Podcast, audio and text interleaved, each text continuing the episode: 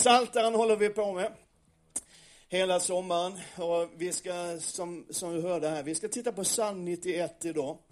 Eh, det är en av mina absoluta favoritsalmer. En del säger att du ska inte ha några favoritavsnitt i Bibeln.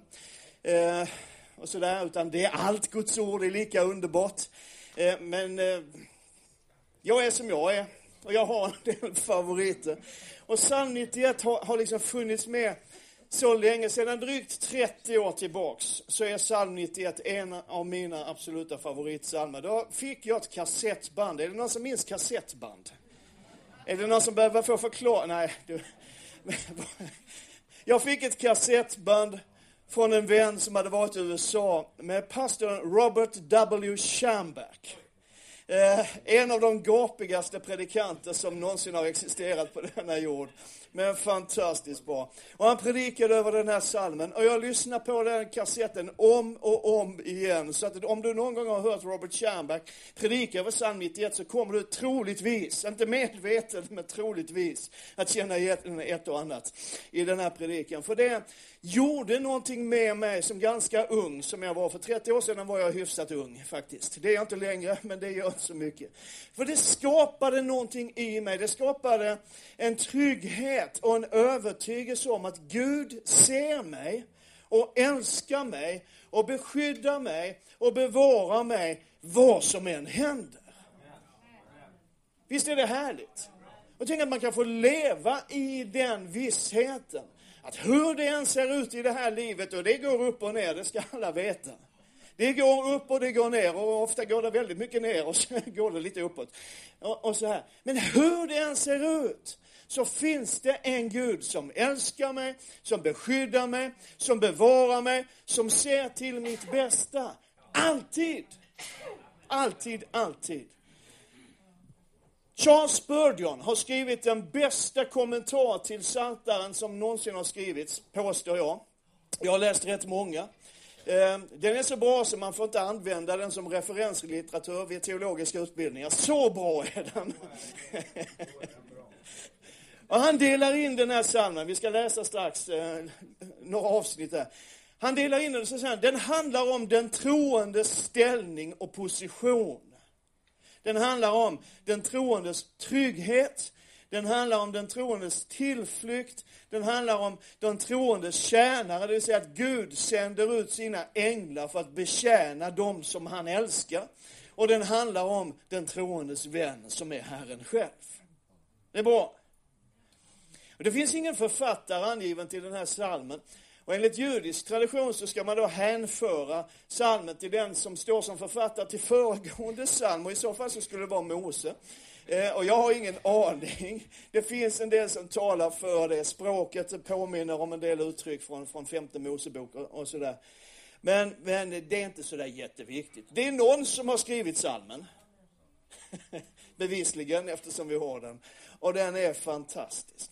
Och huvudtanken i den här salmen är att den som lever i gemenskap med Gud, den som lever nära honom, är under hans ständiga omsorg. Under hans ständiga beskydd.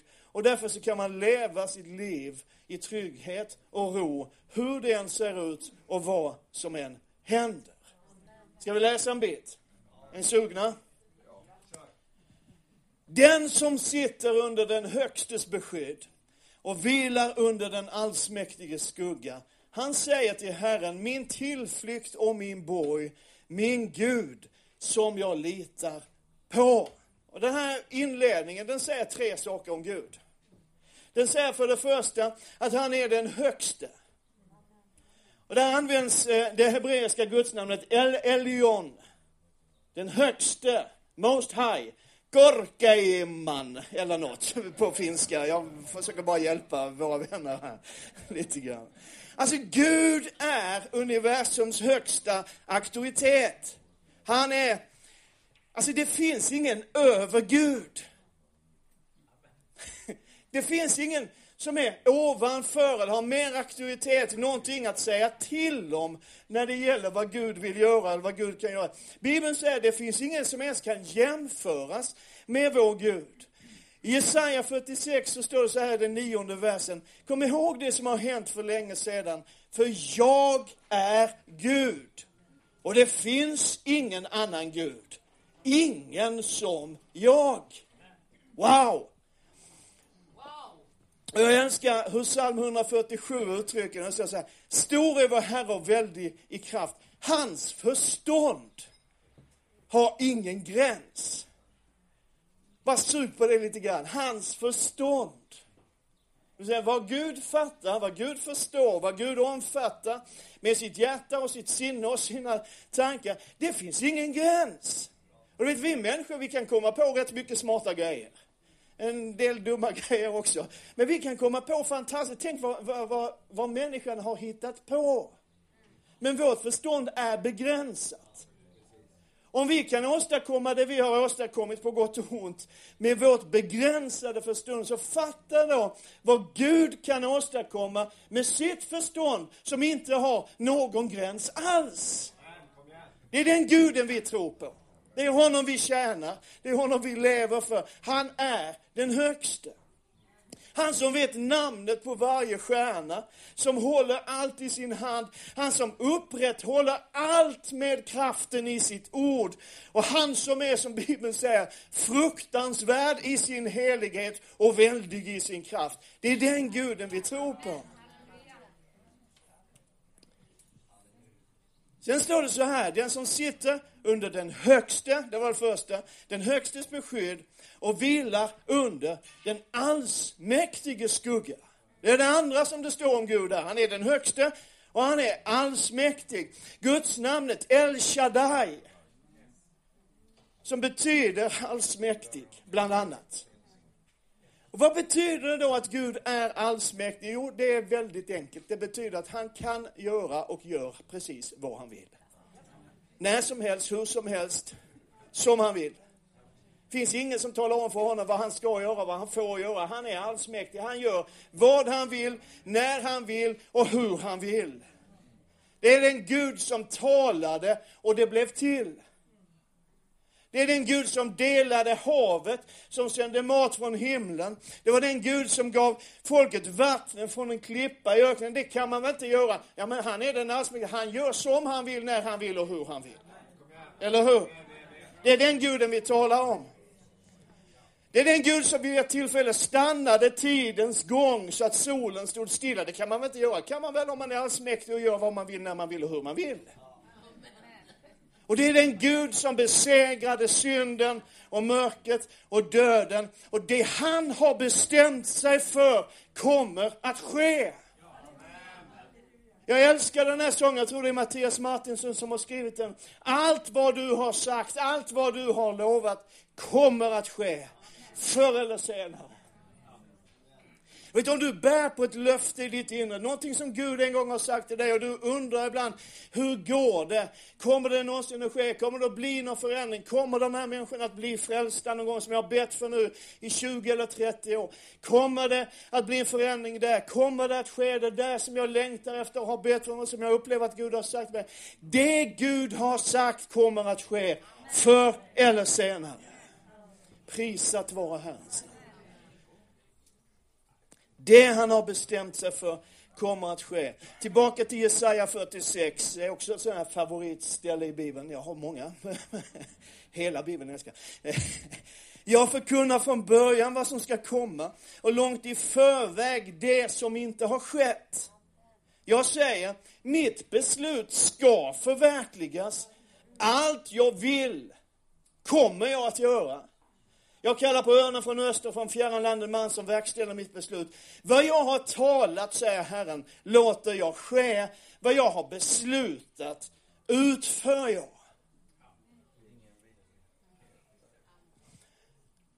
El Shaddai betyder också den som är mer än nog. Jag älskar det uttrycket. Överflödets Gud. Vet Jesus talar om att han kom för att ge liv och liv i överflöd. Och det är så härligt i, i, den gamla översättningen. Ibland känner man att man skulle vilja vända tillbaka till 1917 års översättning. Där står jag har kommit för att ge liv, liv och över nog. Vad är över nog? Ja, men det är mer än nog. Eller hur? Det finns en, en, en, liksom en nivå som är nog. Som min far brukade säga när jag ville ha något nytt, det du har är bra nog till dig. Eh, det är nog. Det duger. Men det finns en nivå som är över nog. Och det är den som vår Gud rör sig i. Det är, den, det är liksom hans nivå.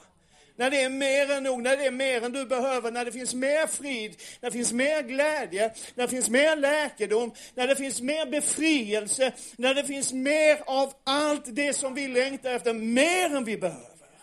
För vet du vad som är så bra? Om man har mer än vad man behöver. Då kan man ge det till någon annan. Det är ju det som är så sjukt bra. Eller hur? Vet du, om du har mer än vad du själv behöver, så behöver du ju liksom inte stoppa det under madrassen och, och liksom vänta på, ja någon gång kanske de hittar det när jag är död och borta. Så Utan det du har som är mer än vad du själv behöver kan du ge in till någon annan. Så har du mer glädje, så dela med dig av den glädjen. Har du mer sorg än du behöver, så dela med dig av den sorgen också. För det är bibliskt. Vi gråter med den som gråter och vi gläds med den som gläds.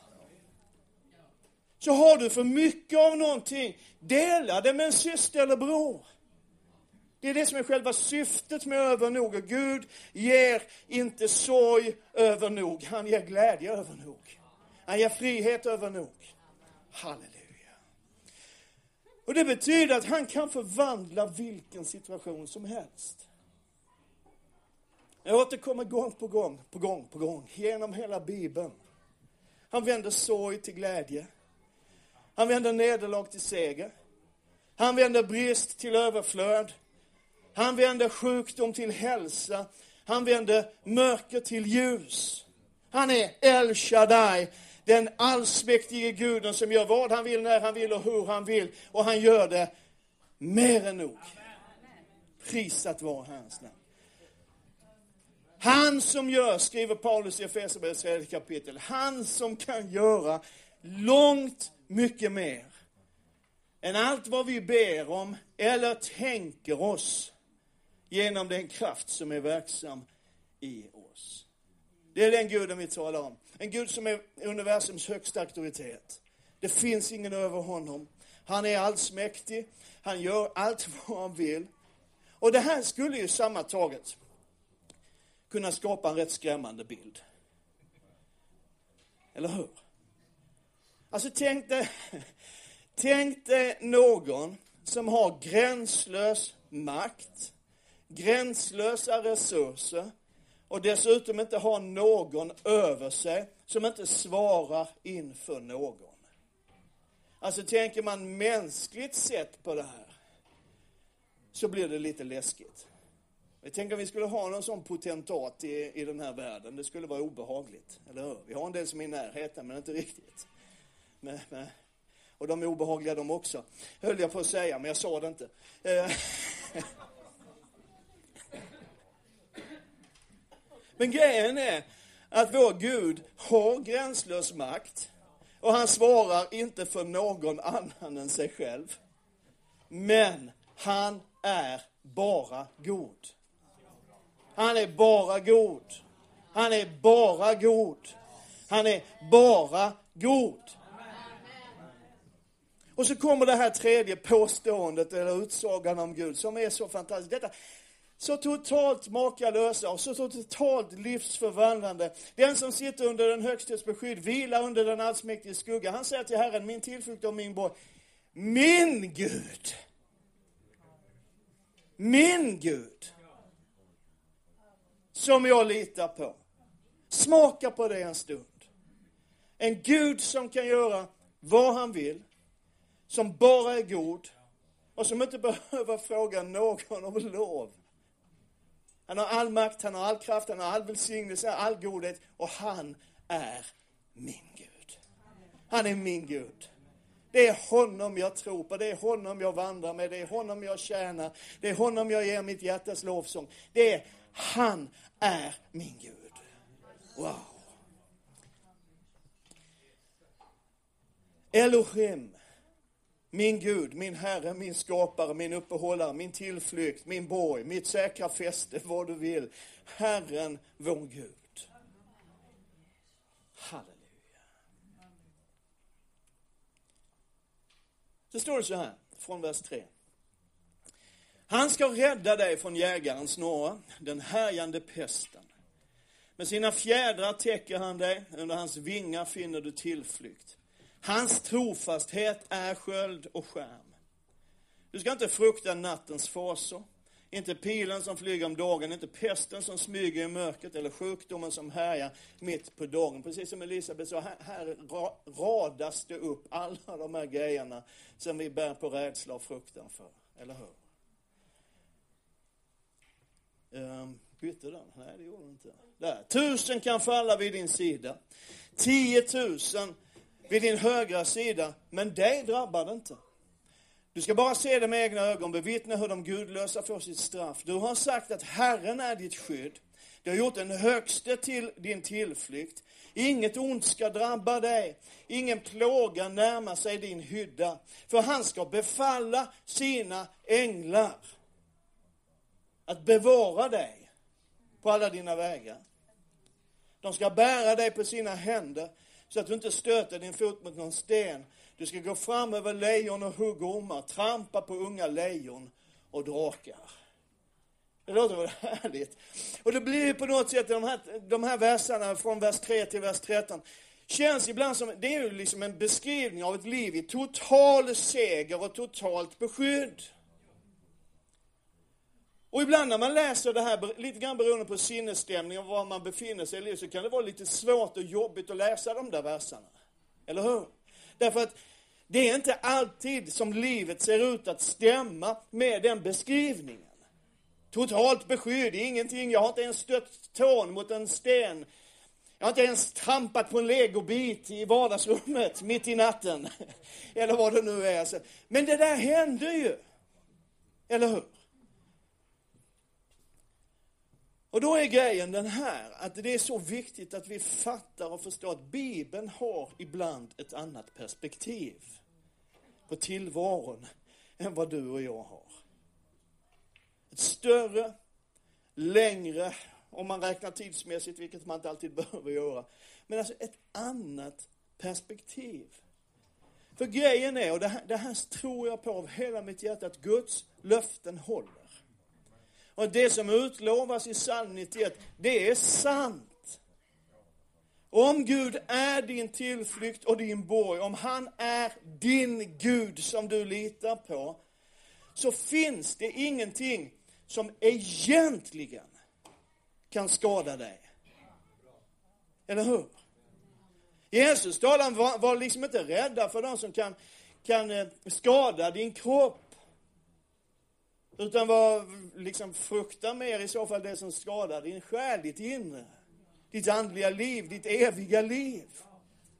Det finns ingenting som egentligen kan skada dig och mig som tror på Herren och gör honom till vår tillflykt och vår borg. Vi möter motgångar.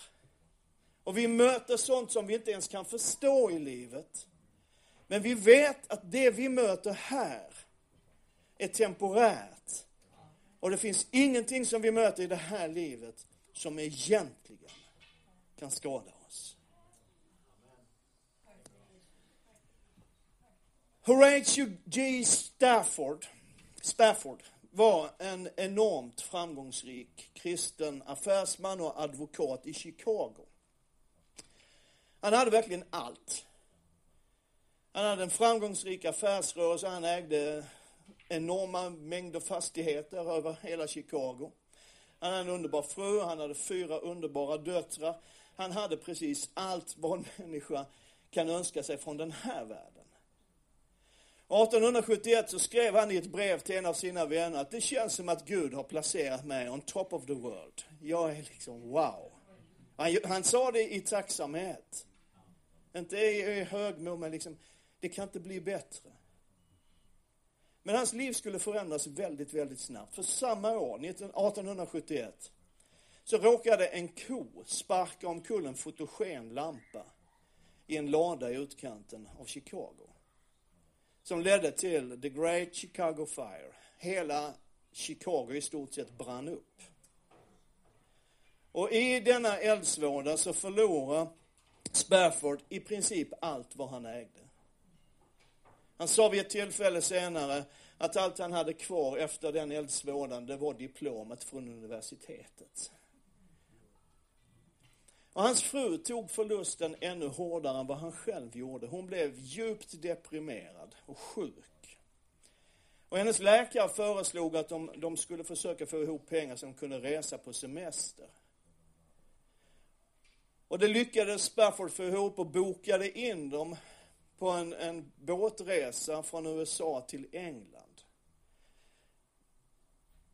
Och precis när de skulle resa iväg med den båten, det tog någon vecka, 10-15 dagar eller vad det nu tog med, med båt över på den tiden. Så precis innan de skulle resa så blev Spafford själv tvungen att ta itu med en del, del ärenden efter eldsvådan, försäkringsärenden och en del businessgrejer som han var tvungen att ta hand om. Så då bestämde de att frun och döttrarna får åka först. Och så kommer jag efter med, med nästa fartyg, sa Spafford. På vägen till England, någonstans mitt ute på Atlanten, så krockar fartyget med ett annat fartyg. Det är lite klumpigt mitt ute på Atlanten, men så var det. Båda fartygen går för full maskin, kör rakt in i varandra. 226 människor förlorar livet den dagen. Bland annat Spaffords fyra döttrar.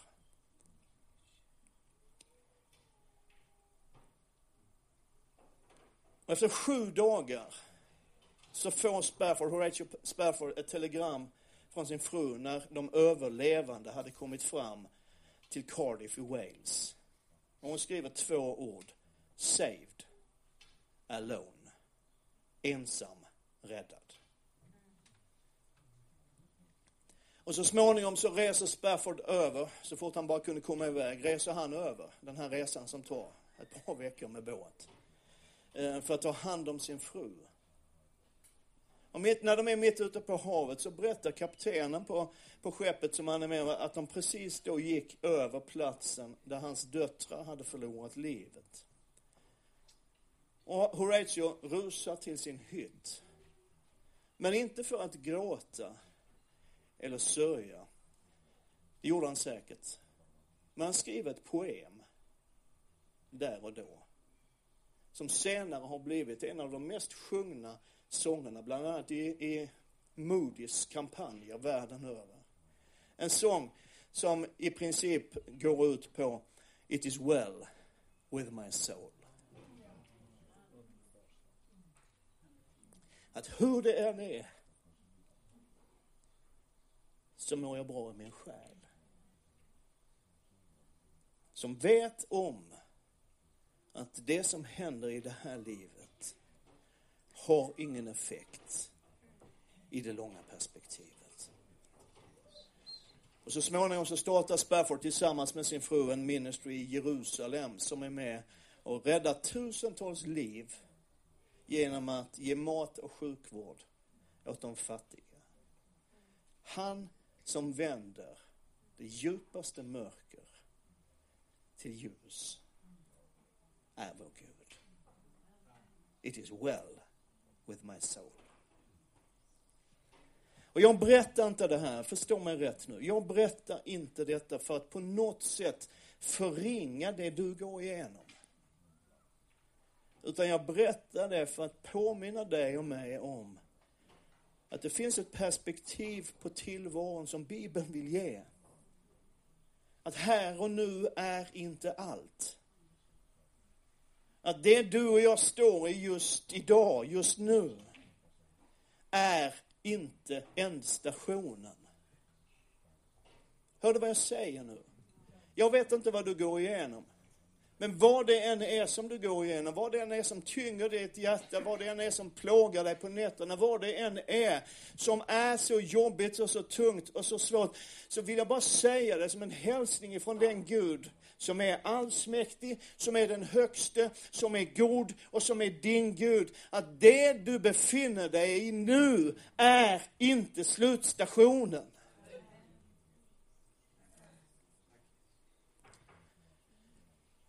Jobb stod i en liknande situation som Spafford. Han hade också förlorat allt.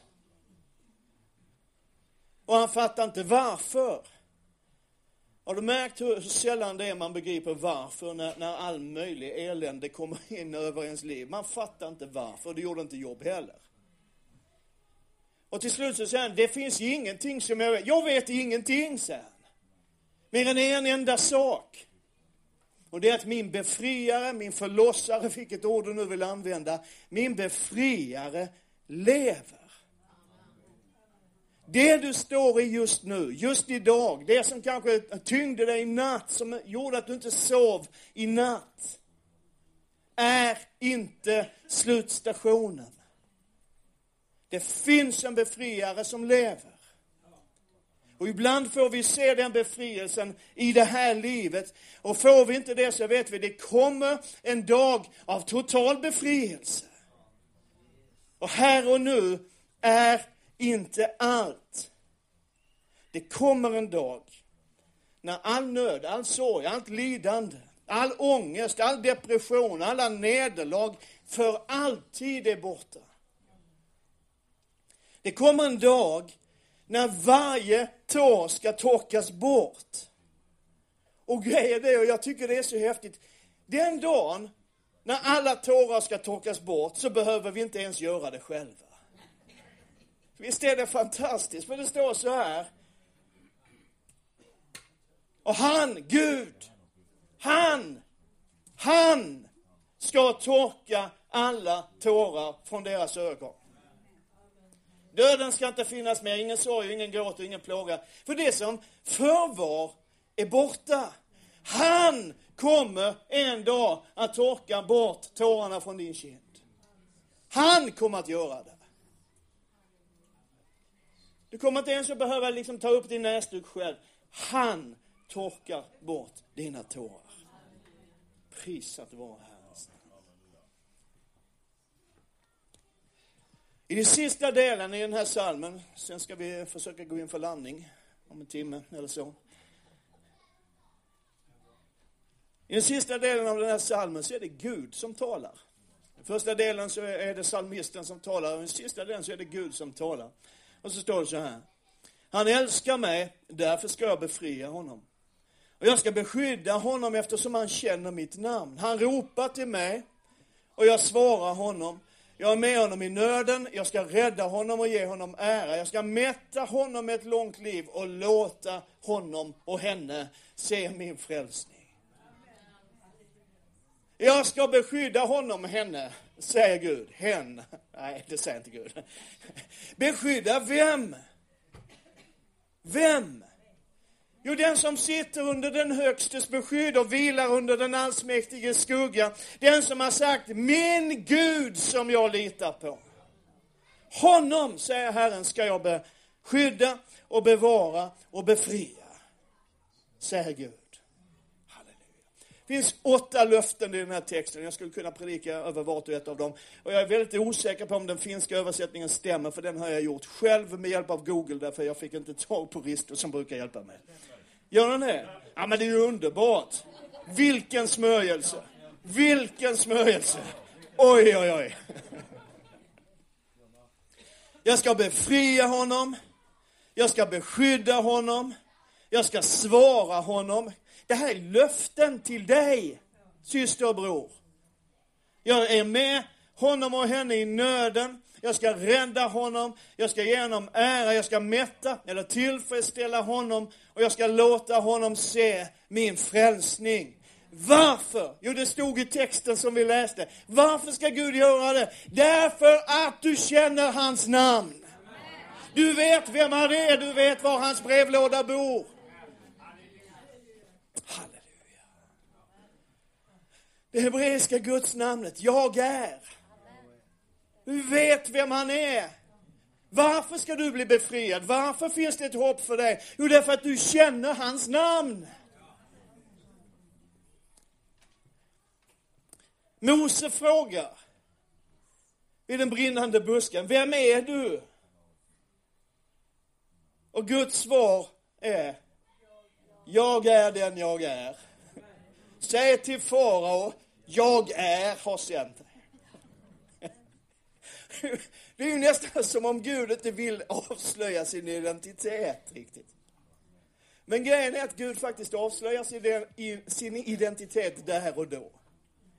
Vet, när Jesus, många tusen år senare, eller ett par tusen år senare, står i Getsemane, berättas om det här i Johannes 18. Och när soldaterna kommer för att gripa Jesus, och så är de osäkra på vem är det av de här som egentligen är Jesus. De ser likadana ut alla de där galileerna. Så frågar Jesus dem, vem söker ni? Och soldaterna säger, vi söker Jesus från Nasaret. Och då svarar inte Jesus, okej okay, det är jag. Det är mig ni söker. Utan Jesus svarar enligt grundtexten, ego eimi. Det är en direkt översättning av det hebreiska gudsnamnet, jag är. Och när Jesus, jag tycker det är så häftigt, när de här soldaterna kommer för att arrestera Jesus, de säger, är det du liksom? Och Jesus säger, jag är. Så faller de ihop till marken, allihop. Så Jesus får liksom stå där och vänta på att de tar sig samman så att de kan arrestera honom. Eller hur? Därför att det är en sån kraft i det namnet. Det är en sån kraft i det namnet. Och löftet som Gud gav i psalm 91 funkade för Jesus i ett semane. Jag ska beskydda dig och bevara dig och jag ska vara med dig och jag ska se till att ingenting händer dig. Därför att jag är, du känner ju mitt namn, du vet vem jag är. Och Jesus använder det namnet och säger, jag är. Ja men han dog ju, jo, men grejen är så här vet du, det var ingen som arresterade Jesus.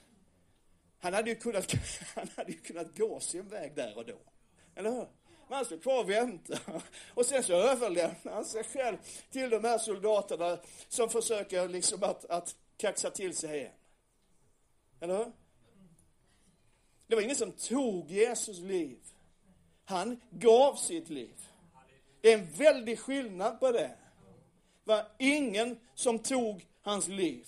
Bibeln säger att när tiden var inne, när det var dags, så böjde han sitt huvud och så gav han upp andan. Det var ingen som mördade Jesus. Han gav sitt liv. Prisat vara hans namn. Halleluja. Filipperbrevets andra kapitel säger så här. Därför har också Gud upphöjt honom över allting och gett honom namnet över alla namn. För att Jesu namn alla knän ska böjas i himlen och på jorden och under jorden och alla tungor bekänna att Jesus Kristus är Herren, Gud Fader till ära. Och du vet som har, som har varit med ett tag, du vet ju att det finns en mängd olika namn på Gud i Gamla Testamentet. Massvis av dem. Man har bibelskolekurser om Guds namn i Gamla Testamentet. Herren din läkare, Herren din befriare, Herren din försörjare, El Elion, den högste, El Shaddai, den allsmäktige. Och det alla de här olika namnen, det finns hur många som helst, men alla de här olika namnen visar ju på en sida hos Gud. Och varje Guds namn innehåller ett löfte till de som tror på honom och följer honom. Jag är Herren din läkare. Det är ett löfte i det, eller hur? Jag är Herren din försörjare. Det finns ett löfte i det. Jag är Herren ditt baner. Det finns ett löfte om beskydd i det, eller hur? Och så där kunde vi hålla på hela eftermiddagen och det ska vi inte göra. Men det kan ju vara svårt att hålla reda på alla de här gudsnamnen. Jag har gjort en tentamen på dem vid ett tillfälle. Och då kunde jag dem, men jag skulle inte kunna rabbla alla de gudsnamn som finns i Gamla Testamentet. Då tänker man missa något. Att det finns ett namn med ett löfte som jag har missat och så tappar jag det löftet. Men grejen är, och det är det här som Filipperbrevet 2, vers 9 och framåt handlar om, att vi har tillgång till allt vad Gud är allt vad Gud står för, innebörden och löftena som är kopplade till alla Guds namnen har vi tillgång till i ett enda namn. Namnet Jesus. Där finns allt vad du och jag behöver. Du behöver inte kunna ett enda hebreiskt Guds namn. Det räcker med namnet Jesus. För i honom finns gudomens hela fullhet. Och i honom har alla Guds löften, de som är kopplade till Guds namnen och alla de andra löftena, i honom har alla Guds löften, så många de är, skriver Paulus, sitt ja och sitt amen. I namnet Jesus. Halleluja. Gud säger, jag ska befria och beskydda honom. Därför att han känner mitt namn. Och Guds namn sammanfattas i namnet Jesus. Jag vet när Jesus kom in i den här världen så, så fick han ju egentligen två namn. Han skulle kallas för Jesus därför att han skulle frälsa sitt folk för sina synder. Namnet Jesus betyder frälsare. Han skulle också få namnet, och det var det namnet som, som Maria egentligen gav honom. Han skulle också kallas Immanuel, Gud med oss. Min Gud, som jag litar på. Inte Gud mot oss, utan Gud med oss. Jag växte upp med tro på en Gud som var mot mig. En Gud som var polis. En Gud som var ute efter att hitta alla mina fel och brister och, och liksom varenda grej som man hade gjort som var fel. Och så låg man på kvällen på sina knän vid sängen och rabblade upp allt vad man kunde komma på som man hade gjort under dagen som var fel och syndigt. Vilken befrielse att upptäcka att han är Gud med oss. Gud på vår sida. Gud som vill oss väl. Gud som vill backa upp. Min Gud som jag litar på. Halleluja Den som sitter under den högstes beskydd och vilar under den allsmäktiges skugga. Han säger till Herren, min tillflykt och min borg, min Gud, som jag litar på. Han ropar till mig och jag svarar honom. Jag är med honom i nöden, jag ska rädda honom och ge honom ära. Jag ska mätta honom med ett långt liv och låta honom se min frälsning. Han älskar mig Därför ska jag befria honom. Och jag ska beskydda honom eftersom han känner mitt namn. Amen. Amen. Ska vi stå upp och be tillsammans?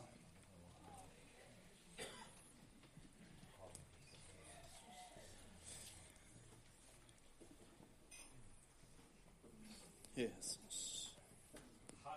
Kan vi bara bjuda in den helige Ande att, att röra vid våra hjärtan just nu.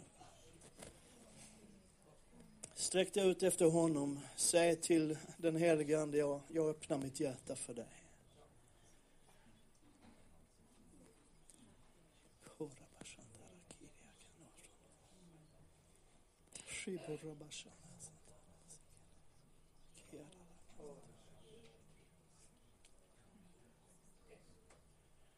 Jag har haft väldigt tydligt under, under några dagar inför den här gudstjänsten, när jag bett för den här gudstjänsten och bett för, för dig som skulle komma hit. Så jag har haft en övertygelse, den är ännu starkare just nu, att, att Gud vill lyfta av bördor idag. Det här som har tyngt dig, som du har gått och dragit på under så lång tid. Det kan vara så många olika saker. Jag behöver inte göra någon lista på vilka olika saker det kan vara. Det vet du själv. Men tänk om den här söndagen är den söndagen när det vänder i ditt liv. Det kan vara den här dagen, den här söndagen, när du faktiskt får se kraften i namnet Jesus. Vi skulle vilja bara bjuda in dig att be tillsammans med dig. Helt kort, du behöver inte nämna för oss som är med och ber vad det gäller för någonting. Du får det om du vill, men det behövs inte. Utan när vi är i lovsång och tillbedjan en stund nu. Så om du kommer fram och bara ställer dig här framme, det är väl det enda sättet det funkar i den här lokalen tror jag. Bara kom och ställ dig här framme. Så kommer vi att, att, att bara lägga handen på dig. Och det enda vi kommer att göra är att uttala namnet Jesus över dig. Vi kommer inte att be en bön med, med andra ord, utan vi kommer bara att viska namnet eller ropa vad det nu blir. Det får vi se Vi kommer bara att proklamera namnet Jesus över ditt liv och över din situation. Det är allt vad vi kommer att göra. Jag är helt övertygad om att du kommer inte att vara densamma när du går härifrån som när du kom hit idag. Är det okej? Okay? Vi får göra lite plats här. Det får nog bli en, en liten rad här framme. Så, så välkommen i Jesu namn. Och så prisar vi Gud tillsammans och är, är inför honom. Och var frimodig nu. Åh Jesus, jag tackar dig för befrielse. Tack Jesus.